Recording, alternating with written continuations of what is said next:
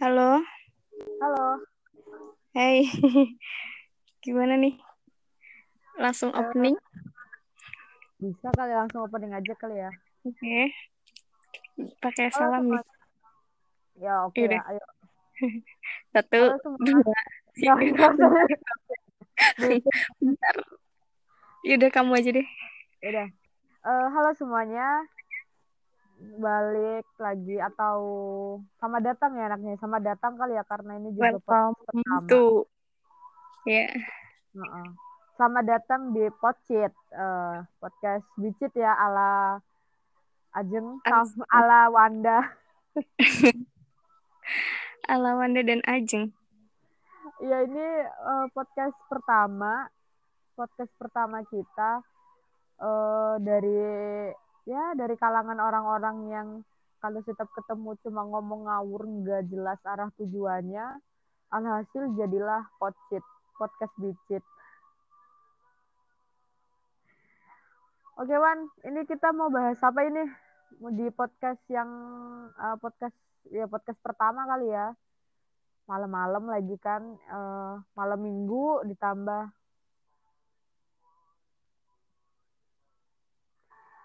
ah kayaknya nih si Wanda sinyalnya lagi nggak bisa diajak temenan ini. Jadi eh, di podcast ini mungkin untuk opening eh, aku dulu ya. Jadi di podcast ini tuh aku sama Wanda mau ngebahas tentang citizen journalism yang mana eh, di era sekarang atau di masa sekarang itu tuh perkembangannya tuh cukup cukup apa namanya cukup masif gitu ya. Ditambah sama perkembangan media sosial dan teknologi yang memang luar biasa banget. Siapa pun bisa mengakses dan siapa pun bisa eh, menyebarkan informasi apa pun ke ruang publik gitu kan. Udah nyambung belum sih sama Wanda ya? Ini eh kita ada sedikit trouble di jaringan kali ya mungkin Wah, mungkin si eh, sinyal sinyal di tempatnya Wanda ini yang susah. Jadi eh sambil nunggu mungkin mau sedikit ngebahas tentang CJ itu apa gitu kan. Jadi ya mungkin dari teman-teman semua yang mendengarkan podcast ini tuh nah ini udah masuk nih. Gimana, Man? Ya Allah, dari tadi aku ngomong, masa nggak masuk sih? Eh, udah masuk beneran. Anjir. Astagfirullahaladzim. Cing ulang, cing. Hah? Astagfirullah. Wan, kenapa lagi, Wan? Mulutku Apa? keceplosan. Ah, udah. Ini udah udah udah tiga menit ntar dikat kali ya. Ya udah dikit aja. eh, di- diterusin diterusin aja ntar dikat ayo ulangi dari ketahuan deh. Dari apa? ulangi dari opening. Ya udah, oke. Tutut nyambung. Halo. aduh openingnya aduh. Openingnya ger sekali. Openingnya tutut dong. Tutut tutut. Anak keong anak keong Kurang ajar. Ya udah, ulangi. Halo, Ajeng. halo Wanda Selamat malam. malam dong tentunya malam minggu nih ya kan Iya dong, tapi kamu jomblo kan? Aku tahu. Eh, iya sih. Udahlah, Bang. Gak, gak usah bahas-bahas itu kayaknya. Untuk, Yaudah, untuk saat ini, untuk saat ini kita, eh, kita gak usah ngebahas itu karena ya itu masih jadi rahasia Tuhan gitu kan ya. Jadi mending Yaudah. kita sekarang eh, apa namanya kita eh, lebih baik kita sekarang tuh ngebahas tentang eh, hal-hal yang mungkin bisa bermanfaat untuk orang lain gitu kan, bermanfaat buat jadi tambahan informasi buat mereka yang dengerin podcast Oke. kita. By the Gimana? way, podcast kita Mm-mm. ini tuh eh, podcast podcast pertama ya. Per- ini podcast pertama kita kan. Pertama banget, jadi mohon dimaklumi kalau nanti isinya agak absurd. Agak Iya. absurd dan ya memang ya emang kita kalau ketemu juga kayak gini gitu kan ngobrol itu ngobrol ngalor ngidul nggak ada yang nggak nggak jelas gitu kan arahnya ke mana ngegibah yang ngegibah orangnya ngegibah orang banyak gitu kan jadi ya kita al dari aliansi gitu ya kita masuk dari aliansi Oke. orang-orang nggak jelas gitu kan ya kebanyakannya cuma kebanyakan bacotan-bacotan nggak jelas gitu jadi Hmm. podcast ini lebih cocok kalau kita panggil podcast kali ya Apaan tuh pecit? podcast bicit ya Allah Ya, ngampun kurang kerjaan banget. Yaudah, kita sapa dulu nggak nih orang-orang yang mau, mau dengerin podcast Alah. insya Allah. Oke sapa dulu sapa dulu sapa dulu siapa Oke, tahu kan yang dengerin podcast kita banyak banget tuh Yaudah. Siapa yang mau nyapa? gantian dong Ya. Eh, hai teman-teman semua, selamat malam. Assalamualaikum warahmatullahi wabarakatuh. Jadi- wabarakatuh Jadi kali ini aku, Wanda, dan si Ajeng ya ngapain? benar Mau, mau ngapain? Kita mau ngobrol sih ya yang sebenarnya kita mau ngobrol kayak ngobrol biasa cuma mungkin obrolan yang kali ini tuh agak lebih berisi dan berbobot gitu kan Insya Allah.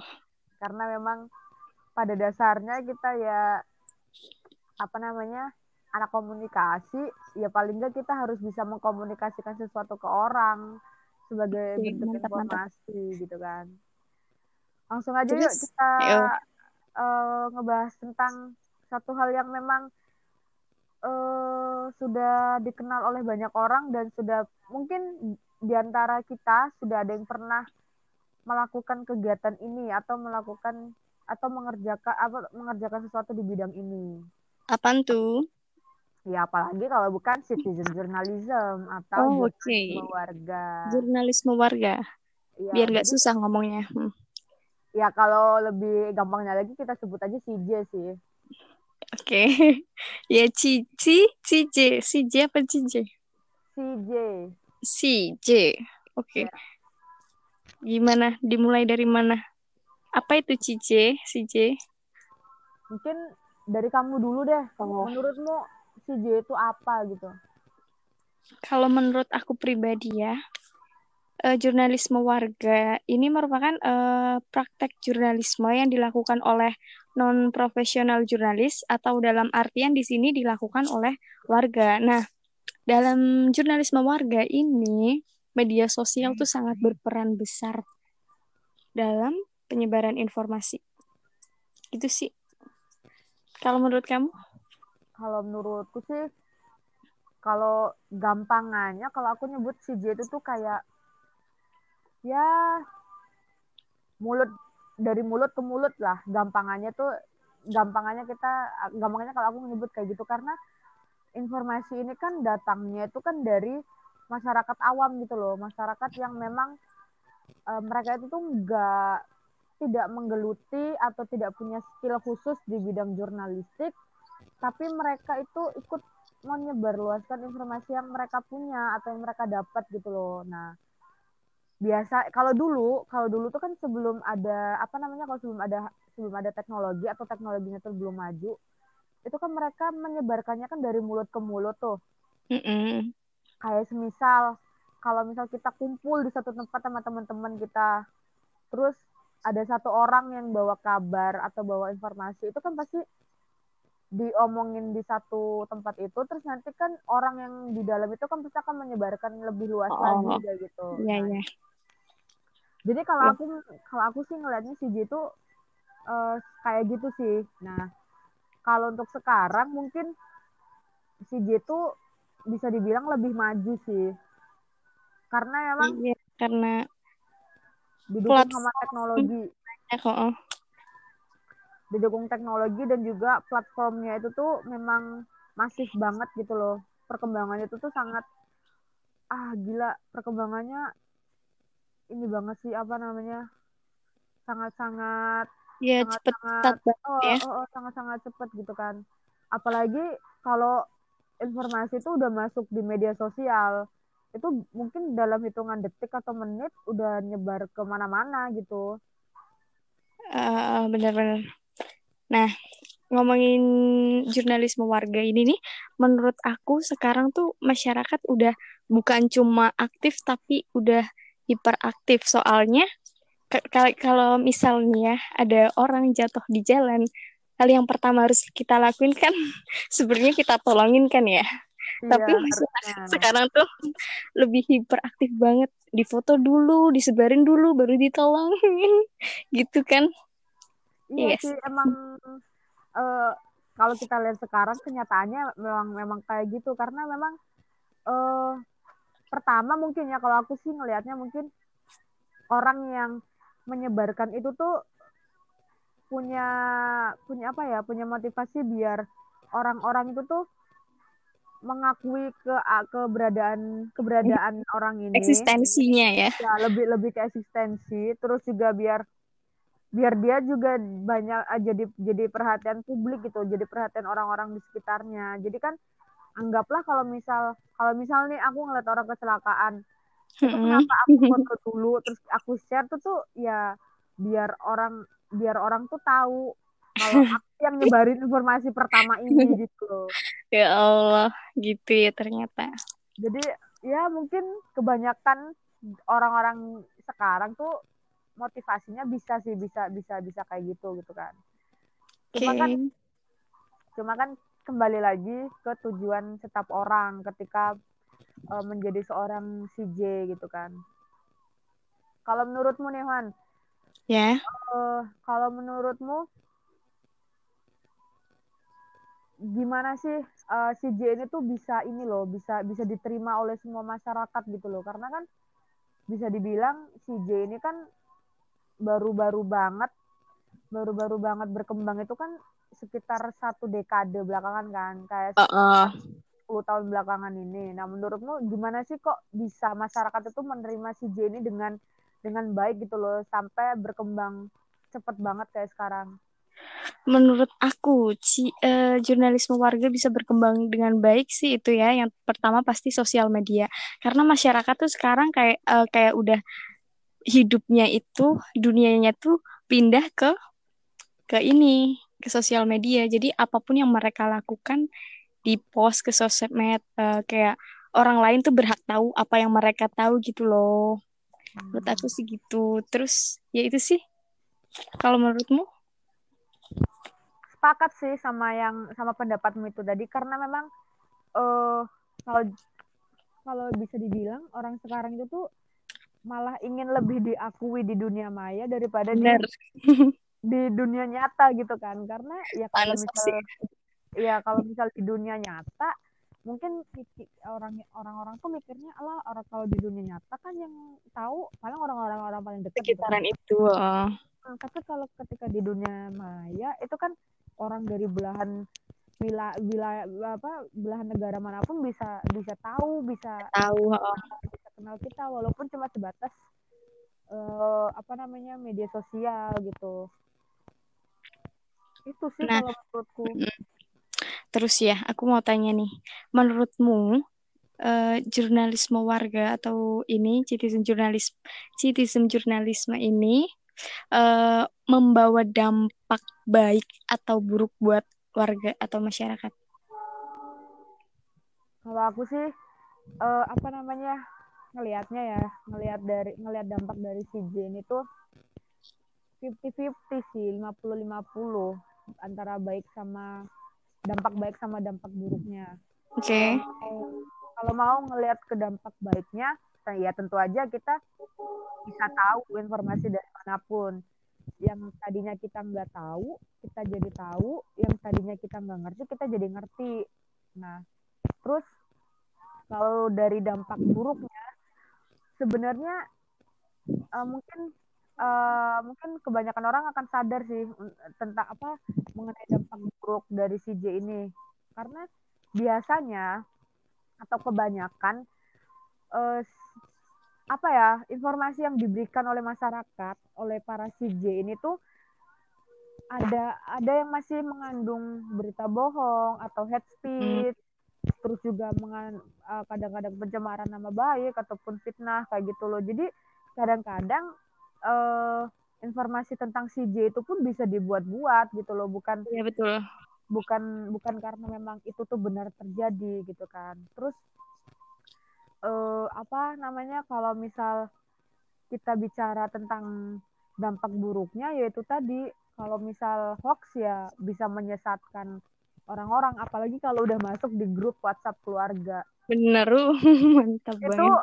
itu udah itu kalau udah masuk ke grup WhatsApp keluarga level bahayanya itu tuh udah level waspada kali ya kita harus harus siap-siap Udah punya siaga ya. eh, harus punya harus harus sudah siap-siap punya argumen buat buat mengcounter buat mengcounter kita biar enggak apa namanya biar enggak biar enggak apa namanya tersesat deng atau atau Hmm, ngikutin nggak kemakan berita. hmm, nggak kemakan beritanya gitu kan kalau menurutmu sendiri ngelihat Nah, dampaknya ya. tuh gimana Ngomongin tentang ini, dampak ya. Jadi sedikit cerita.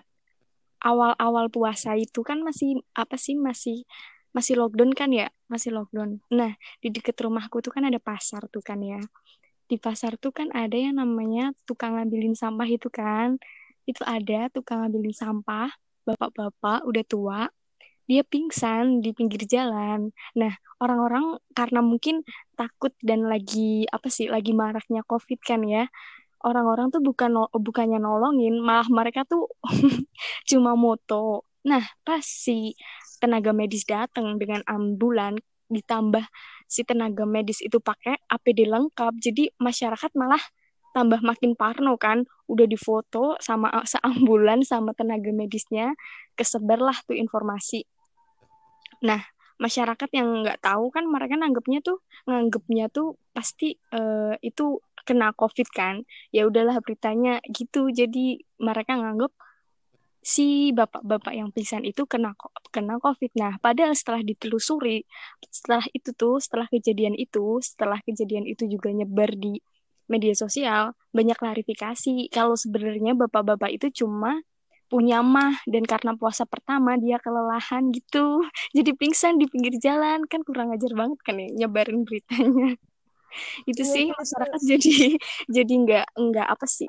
Jadi seenaknya sendiri mau nyebarin informasi nggak nggak apa ya nggak disaring dulu. lebih lebih nggak nggak cross check dulu ya gitu kan Mm. nah kalau bicara tentang fenomena itu atau peristiwa kayak gitu di tempatku juga pernah kejadian kayak gitu. Jadi jadi ini bener-bener kemarin itu tuh heboh banget. Sampai eh, aku sendiri pun pas tahu informasi ini ada di mana-mana tuh kayak ngerasa risih banget gitu loh. Lama kelamaan tuh ngerasa risih. Jadi awal-awal bulan Mei kemarin jadi itu kan eh tetanggaku lah ya. Tetanggaku ini kan Iya. Dia positif. Dia kena covid kan. Tapi tapi meninggal. Udah udah meninggal. Nah ketika beberapa hari beberapa beberapa hari setelah dia meninggal itu tuh ada kabar kalau eh, dia itu tuh udah udah kontak. Sebelum sebelum dia meninggal itu tuh dia tuh udah udah kontak sama Hmm. Sama beberapa orang gitu kan. Ya teman-temannya sih bisa dibilang masih masih teman-temannya orang eh, tetanggaku itu. Tapi teman-temannya tetanggaku itu rumahnya masih masih di sekitaran desaku masih di sekitaran daerahku gitu. Nah nggak lama kayaknya kalau nggak salah tuh sore tanggal 3 atau tanggal 4 tanggal 4 Mei itu tuh di WhatsApp grup keluarga lagi-lagi Lagi-lagi di grup. lagi-lagi sumber pengetahuan itu tuh datangnya dari sumber WhatsApp grup keluarga. Di grup WhatsApp keluarga aku itu tuh ada foto yang disebar oleh salah satu oknum keluargaku. Mm. Eh, di foto itu tuh eh, tertulis tertulis daft- atau ada ada foto daftar-daftar nama orang-orang yang eh, di terindikasi kontak sama tetanggaku yang positif COVID itu. Mm. karena dilihat daftar nama-namanya ibu eh, ibuku sama ayahku tuh udah udah ngelihat daftar itu kan. Terus ayahku tuh ngelihat daftar loh ini loh ini loh ini. Nah ayahku mikir nah ini rumahnya di sini ini rumahnya di sini rumahnya di-" nah ayahku parno. Udah bingung tuh udah udah udah sedikit aduh ini gimana? Khawatir gitu kan udah panik gitu kan. Terus sampai akhirnya setelah itu rame sampai akhirnya itu rame. Kayaknya hampir hampir semua keluarga di WhatsApp grupnya tuh tuh ada itu gitu, kali ya gitu kan. Jadi setelah rame akhirnya daerahku tuh ditutup. Bener-bener ditutup jalan-jalan ditutup. Lockdown. Udah lockdown. Nah nggak tahunya satu minggu kemudian aku kayaknya udah pernah bikin di WhatsApp sih. Udah udah bikin stories di WhatsApp. Oh, oh, oh. Uh, satu minggu kemudian ada konfirmasi. Konfirmasi dari kepala desa sama dari uh, da, sama dari oknum-oknum yang namanya tercatat itu. Ada klarifikasi dan konfirmasi bahwa uh, nama-nama itu tuh bukan bu, mereka itu tuh uh, nama-nama yang tercantum itu tuh bahkan belum enggak enggak enggak kontak sama tetanggaku yang positif ini gitu loh. Ada ada beberapa ada beberapa nama-nama yang ternyata tuh tidak melakukan kontak dengan tetanggaku tapi di situ ada namanya. Ya jelas itu merugikan dong merugikan uh, merugikan orang yang namanya yang, uh, gitu kan. jadi jadi di jadi di diskriminasi dihindari sama warga sama orang-orang kan. Nah itu sih. Aku dari situ makanya aku kayak kemarin tuh jengkel gitu kan pas ternyata itu hoax. Karena ya termasuk aku juga aku aku kemakan hoax gitu kan. Karena aku pikir karena aku pikir kayaknya ya valid sih ini. Tapi ternyata satu minggu kemudian ada konfirmasi kalau itu datanya itu data belum valid gitu belum ya. valid oh kasihan banget. mm, akhirnya ya uh, ada sedikit ya ada sedikit konflik lah antara antara orang yang nyebarin data itu sama eh, orang-orang yang namanya dicatut itu tadi gitu kan. Jadi ya itulah kalau kita ngeliat dampak buruknya bisa bisa separah itu sih. Bahkan aku dengar dengar uh, salah mm -hmm. satu orang yang namanya dicatut itu sampai ngelapor ke polisi. Ya allah sampai sepanjang itu masalahnya. Iya tapi ya tapi akhirnya ya cara kekeluargaan aja sih. Yang penting orang itu tuh udah udah terkonfirmasi nggak nggak kontak langsung sama tetanggaku yang positif ini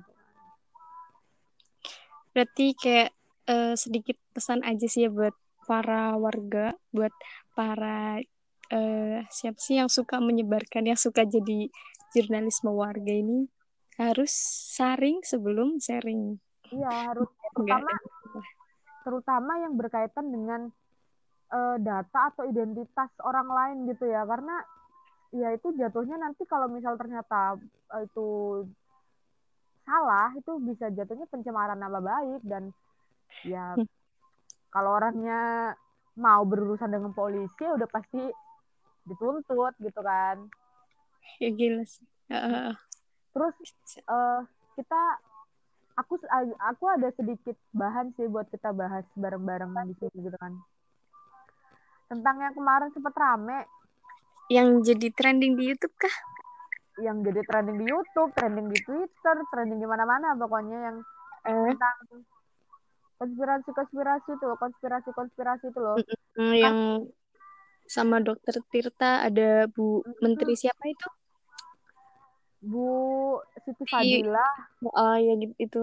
Uh, nah, menurut itu kalau kita bahas itu ya bakal bakal berkaitan bakal nyambung ke pembahasan kita tentang CJ karena iya, gimana nih dampak dari pembahasan tentang konspirasi-konspirasi ini ternyata ke bawah di ini sih ke bawah di era eh ke bawah di zaman eh kok zaman sih dibawa ke citizen journalism gitu. Uh, uh, gimana gimana?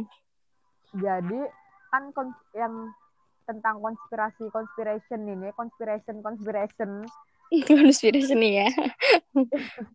intinya intinya narasi dari conspiration ini kan bahwa COVID COVID-19 ini kan direkayasa gitu kan. banyak, yang mm -mm. banyak kayak terjadi ya data yang data yang tidak data yang tidak apa namanya data yang tidak dibuka secara secara umum atau mungkin sistem atau prosedur-prosedur yang dipermainkan gitu kan iya yeah. hmm, intinya tuh narasinya tuh ujung-ujungnya menyudutkan salah satu pihak gitu kan. Mm -mm. Nah, dampak dari hal itu dari pembahasan itu ternyata meluas, cukup luas gitu loh. Akhirnya membuat orang-orang termasuk yang membuat termasuk orang -orang aku sih, ya termasuk aku. Yang apa namanya yang bisa dibilang awam, Mm-mm. yang dibilang awam itu tuh kemakan gitu loh, kemakan sama Iya. pembahasan itu gitu loh. Iya termasuk aku, aku juga kemakan. Aku begitu percaya. Kalau oh ini ter, oh berarti kamu ter, ini ya udah sekarang udah udah terpisah ya. Sekarang udah masuk termasuk aliansi conspiration ya. ya Allah temennya dokter Tirta sama Dedi. Kalau kalau aku sih sampai sekarang tuh masih belum masih belum bisa dapat masih belum bisa dapat masuknya conspiration ini tuh di mana gitu kan karena memang Hmm. pertama aku juga tidak mengikuti pembahasan tentang conspiration yang kedua aku pun sudah sudah mulai stop mengikuti kabar tentang COVID-19 Hah? ya intinya aku nggak bisa nggak bisa ini siapa namanya nggak bisa nggak bisa buat menguraikan gitu kan cuma yang jelas orang-orang itu tuh sekarang ketika membahas tentang COVID itu tuh mereka membahasnya tuh, tuh bahwa mereka setuju dengan konspirasi yang dibahas Mm-mm. sama si Om Deddy, Om Deddy dan dan uh, Dan kawan-kawan. Orang-orang tuh ketika ketika membahas tentang COVID, mereka tuh seolah-olah narasi yang mereka sampaikan itu seolah-olah menyetujui bahwa COVID ini nih benar-benar direkayasa. Bu- Jadi Iya. COVID ini tuh bukan bukan murni sebagai pandemi, melainkan memang sudah direncanakan. Nah, itu yang menurutku sayang sih. Sayangnya tuh Hmm. kenapa? Sayangnya tuh lebih ke eh, pada akhirnya orang-orang ini tuh akan kehilangan awarenessnya, akan akan akan acuh gitu loh. Nggak, mereka akan jadi tidak peduli dengan wabah ini. Padahal kalau aku ngelihat ya wabah ini benar-benar ada gitu kan, benar-benar ada dan dampaknya cukup dampaknya tuh cukup cukup besar gitu kan. Jadi kalau misal ada yang mem- ada yang bilang bahwa oh, COVID ini tuh direncanakan atau bagaimana atau memang sudah menjadi agenda dari WHO dan lain-lain itu Iya, elit global, elit global, ya itu kalau menurut sih elit global. masih awang masih ngawang sih ini apa namanya narasinya mereka gitu kan. Karena kamu pernah dengar nggak sih ada orang yang ketika meninggal eh, dari rumah sakit dari pihak rumah sakit dan dokter itu tuh menyatakan bahwa dia itu tuh sebenarnya terinfeksi cuma Heeh, pernah.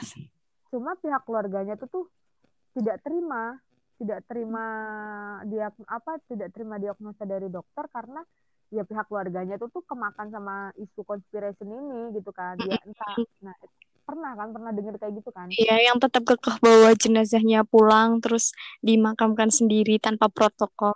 nah, Iya. nah itu kan nah itu kan kalau itu kan kita bisa lihat kalau itu tuh ya itu salah satu dampak dari pembahasan pembahasan conspiration itu gitu kan Astagfirullah. Se orang-orang tuh orang-orang tuh jadi denial bahwa covid itu tuh benar-benar ada gitu gimana ya? Kalau aku sih termasuk orang yang kemakan sama omongan itu sih, sama isu eh sama konspirasi itu. Gimana ya? Soalnya juga masih banyak pro kontranya juga. Dan juga banyak orang yang pro kan sih, apalagi udah ada Bu siapa Bu mantan menteri itu Bu Siti yang ikut angkat bicara tentang si COVID ini. Jadi aku tambah makin percaya aja sih.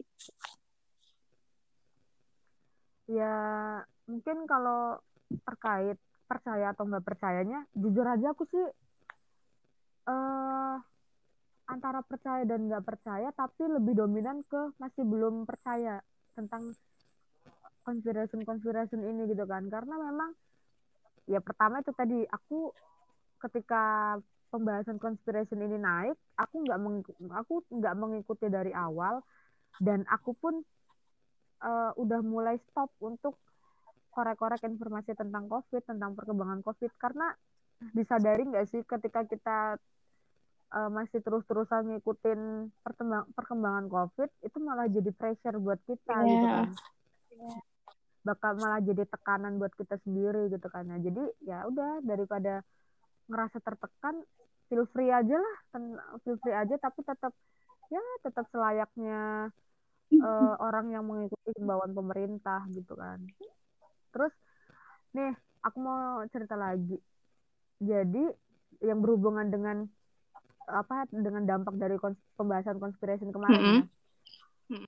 Jadi uh, ketika conspiration ini tuh dibahas dan jadi pembicaraan banyak orang di media sosial itu ternyata berdampak pada apa ya berdampak pada kehidupan bukan kehidupan sih berdampak pada uh, cara berpikir orang-orang yeah. gitu kan cara berpikir orang-orang yang terlanjur kemakan conspiration contohnya. Ya belum lama ini lah tapi masih awal-awal Idul Fitri kemarin. Lagi-lagi lagi dan lagi. Di grup keluarga. WhatsApp grup keluarga. Iya. Kenapa kenapa? Ada oh ada oknum keluarga.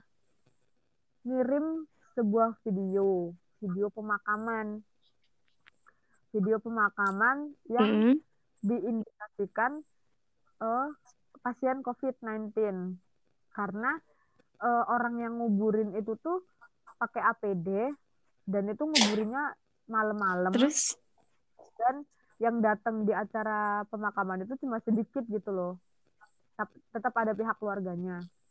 Nah, ketika proses pemakaman itu uh, ya kita normalnya kita kalau ketika proses pemakaman kan ada yang nangis, ada yeah. yang uh, apa namanya nelangka gitu kan. Nah ini tuh uh, di video pemakaman yang ini tuh bener-bener bikin kita tuh kayak ih kok bisa ya? gitu kan. Jadi emang kenapa? di, di video itu di video itu orang yang hadir di, di pemakaman itu malah mengumpat gitu loh. Kayak apa ya istilahnya tuh tuh kayak nek gimana ya ngumpat mengumpat jadi tuh intinya mereka tuh tuh berucap dan mengucapkan kata-kata kotor gitu loh. Iya, kenapa? Kata-kata gak sepantasnya diucapkan ketika pemakaman.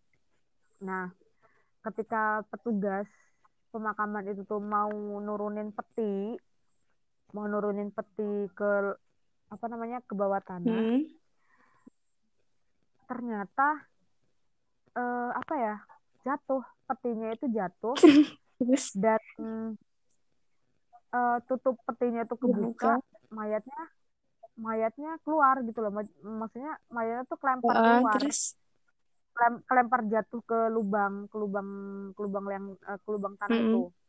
Nah, ya jelas aja dong keluarga marah. Orang-orang yang ada di yeah. sekitar pemakaman di sekitar pemakaman itu tuh langsung reaksinya wah semua semua barang najis, semua barang semua kebun hewan yang ada di kebun binatang itu keluar semua gitu kan. Nah, narasi yang diucapkan itu tuh ada di antaranya orang tuaku ini bukan bukan kena COVID, tapi dia tuh memang sudah sakit lama, sakit paru-paru, bla segala macam. Intinya e, narasinya itu tuh menolak menolak diagnosa dari dokter gitu kan.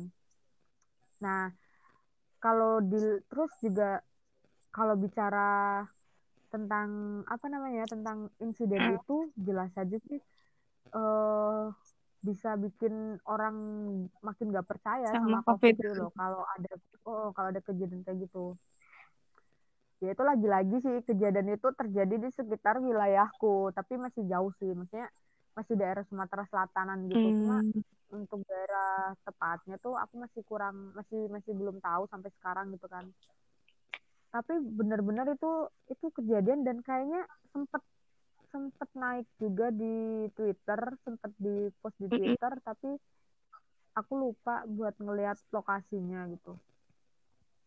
Itu sih menurutku kejinya citizen journalism yang mengandung uh, apa namanya yang mengandung berita pu berita bohong yang mengandung ujaran kebencian hasutan itu jadi kejinya si J gitu. jadi kembali lagi dampak citizen citizen journalism itu emang berpengaruh banget ya buat masyarakat masyarakat jadi gampang menerima berita-berita yang masih mentah gitu.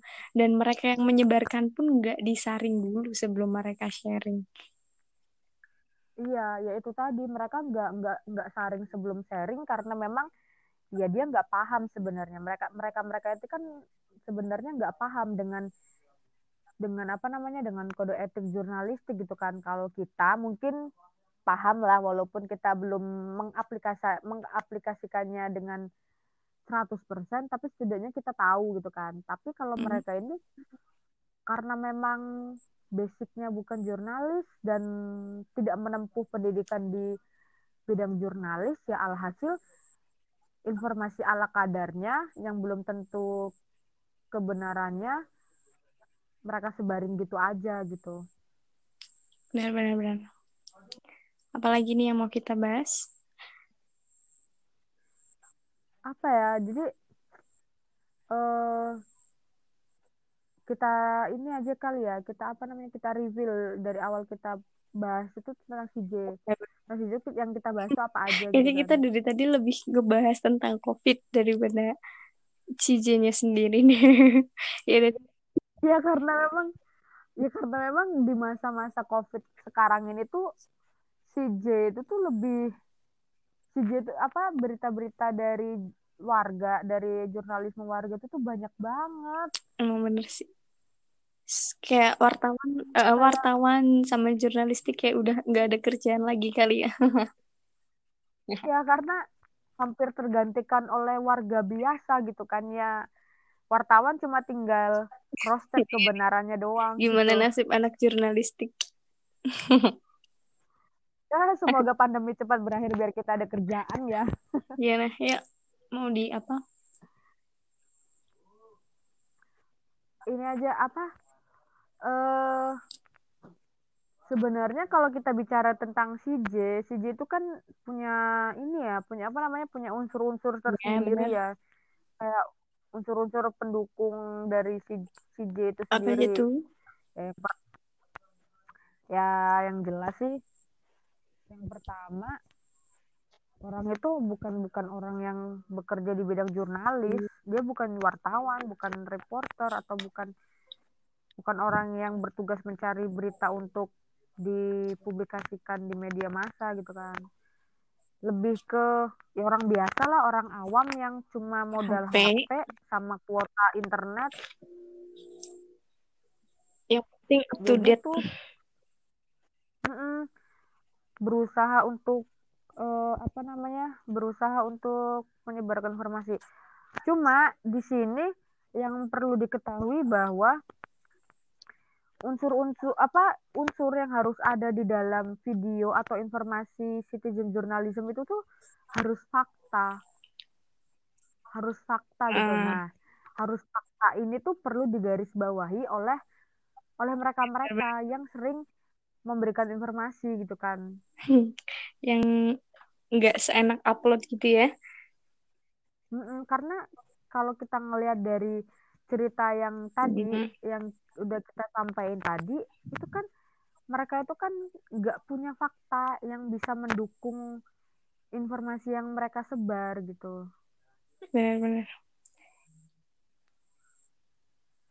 Terus juga apa namanya harus punya alat sih yang jelas ya alat-alat sederhana macam handphone udah cukup kali ya kalau buat iya kalau orang-orang awam gitu. Walaupun kadang video sama fotonya masih amatir gitu ya. Enggak. Mm. Ya, terus terus. Terus juga ya paling enggak setelah ada apa namanya udah punya alat ya bisa inilah bisa punya harus harus ada kemampuan buat nulis sama sama melaporkan informasinya gitu kan. Jadi ya itu tadi kemampuan menulis atau melaporkan itu tuh kembali lagi ke apa yang ditulis dan apa yang dilaporkan itu tuh jangan mengandung ujaran kebencian, jangan mengandung hasutan gitu loh. Harus benar-benar ya jurnalis jurnalis itu kan hampir sama mereka harus harus netral gitu kan. Jurnalis itu kan harus netral ya. Walaupun si J itu bukan jurnalis, setidaknya harus mengikuti etika kode etik jurnalistik gitu kan. tapi namanya juga orang ya namanya juga warga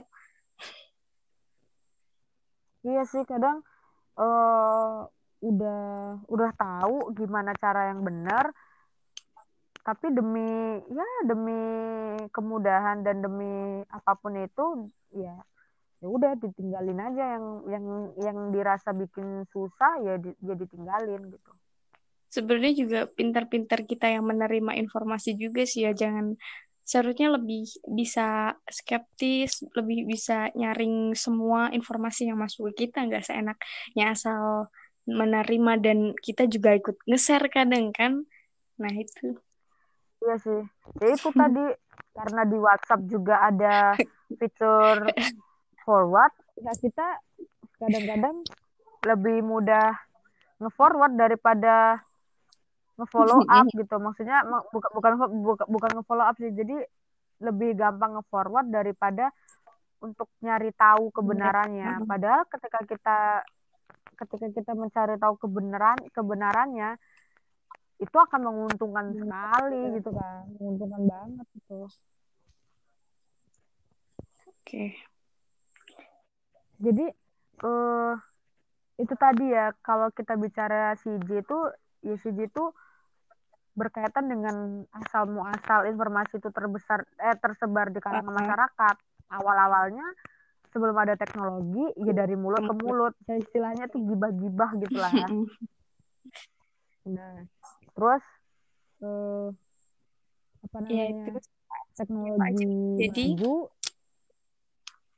teknologi maju sosial media mudah diakses ya akhirnya menyebar dengan mudah menyebar, si J itu bisa bisa berkembang dengan cepat. Iya, uh, gampangannya kayak kita bikin sendiri, eh bikin berarti berita sendiri, upload sendiri di media sosial udah.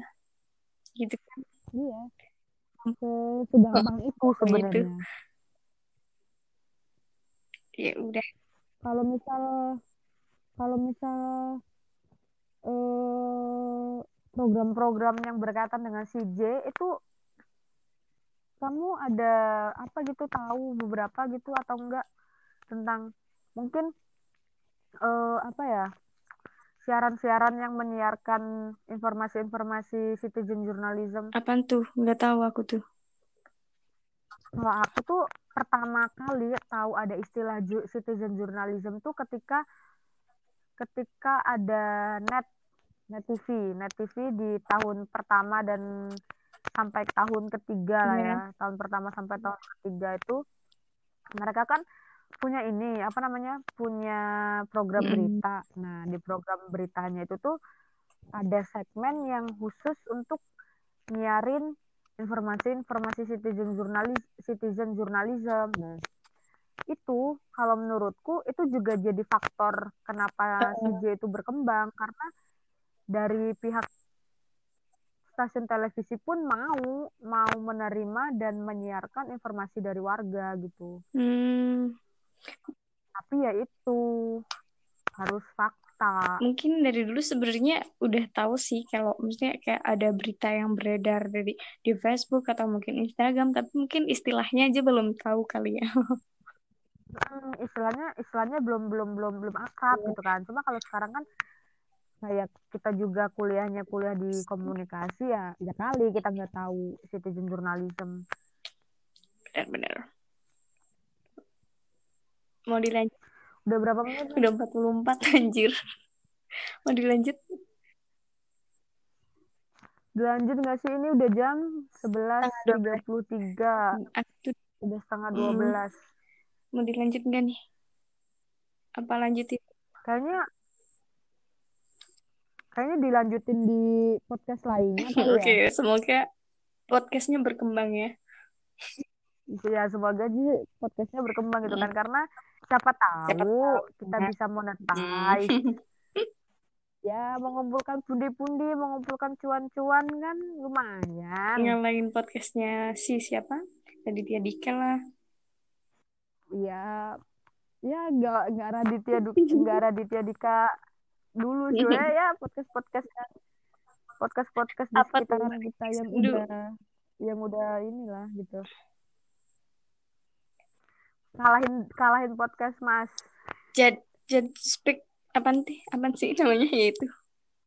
Just speak just speak nah, kita harus bisa harus harus harus bisa lebih berkembang Mm-mm. dari just speak Amin ya Allah.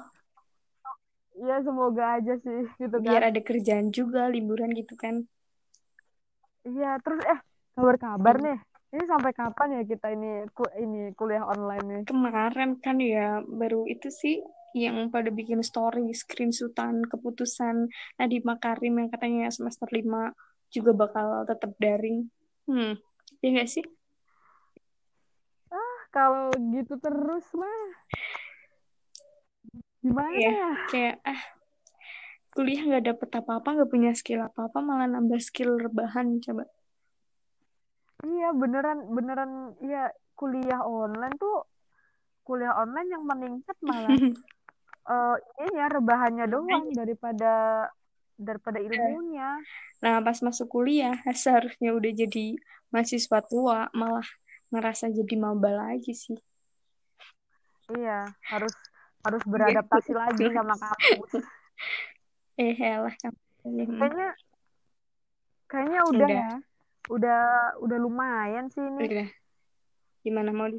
oke teman-teman eh, yang sudah mendengarkan podcast ini kita ucapin terima kasih semoga Semoga bermanfaat. semoga bermanfaat dan bisa menambah hasanah eh, hasanah informasi tentang citizen journalism khususnya ya. Hmm.